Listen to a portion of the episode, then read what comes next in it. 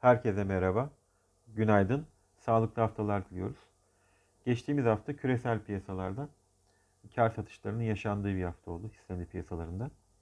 E, buna paralel olarak benzer şekilde Borsa İstanbul'da da e, kar satışları görüldü.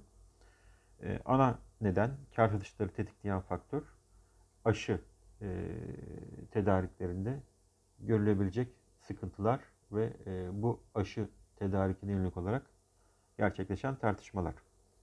Aynı zamanda mutasyona uğrayan virüsün getirmiş olduğu endişeler de Avrupa Birliği ülkelerinde e, giriş çıkışlarda saklama getiriyor olması. Yeni haftaya Çin'in imalat PMI e, endeksiyle başladık.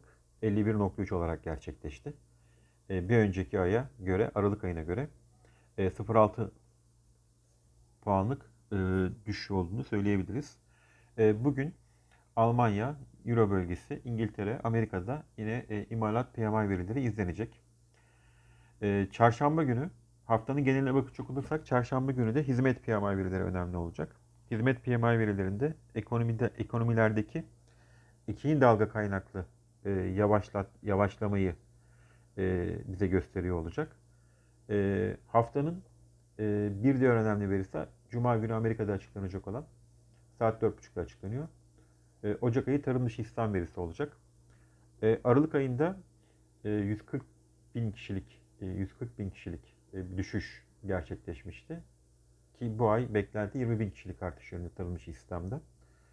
E, diğer yandan ortalama saatlik kazanç artışının yıllık %5.1'de sabit kalması bekleniyor. İşsizlik oranı ise %6.7'den %6.8'e çıkması bekleniyor. Ee, tarım dışı istihdam verisinin e, Ocak ayında da düşüş göstermesi, Aralık ayında olduğu gibi e, piyasalar üzerine negatif yönde bir baskı oluşturabilir. E, yurt içinde bugün e, imalat PMI verisi takip edilecek. Herhangi bir beklenti yok. E, ancak veri Aralık ayında 51.4'ten 50.8'e gerilemişti.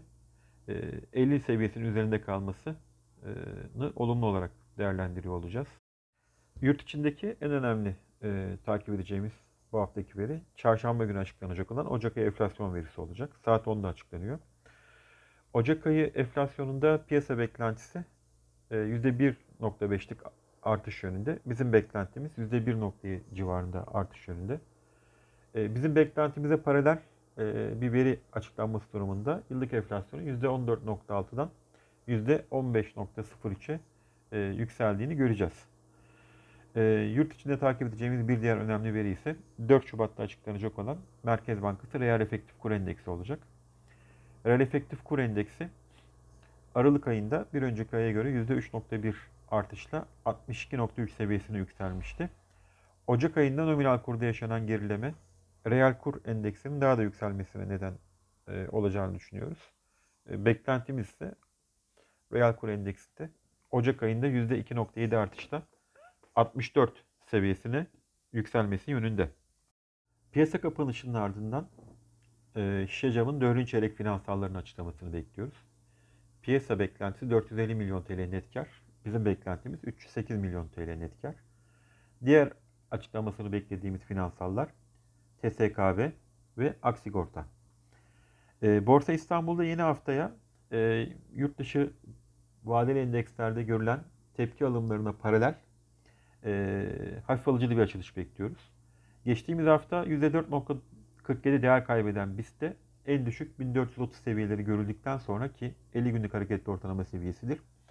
Bu seviyeden gelen tepki alımlarıyla 1500 seviyelerine yaklaştık ama Cuma günü de bu tepki alımları sonrasında görülen kar satışlarıyla %1.66 endeks Cuma günü değer kaybetti. 1473 seviyesinden haftayı tamamladık. Genel anlamda teknik olarak 50 günlük hareketli ortalama ile 20 günlük hareketli ortalama seviyeleri arasında endeks için dalgalı bir seyir beklemekteyiz. 50 günlük hareketli ortalama seviyemiz 1435'lerde. 20 e, günlük hareketli ortalama, ortalama seviyemiz 1530'larda. E, e, bu bant aralığında dalgalı bir seyir bizi hafta genelinde bekliyor olacak.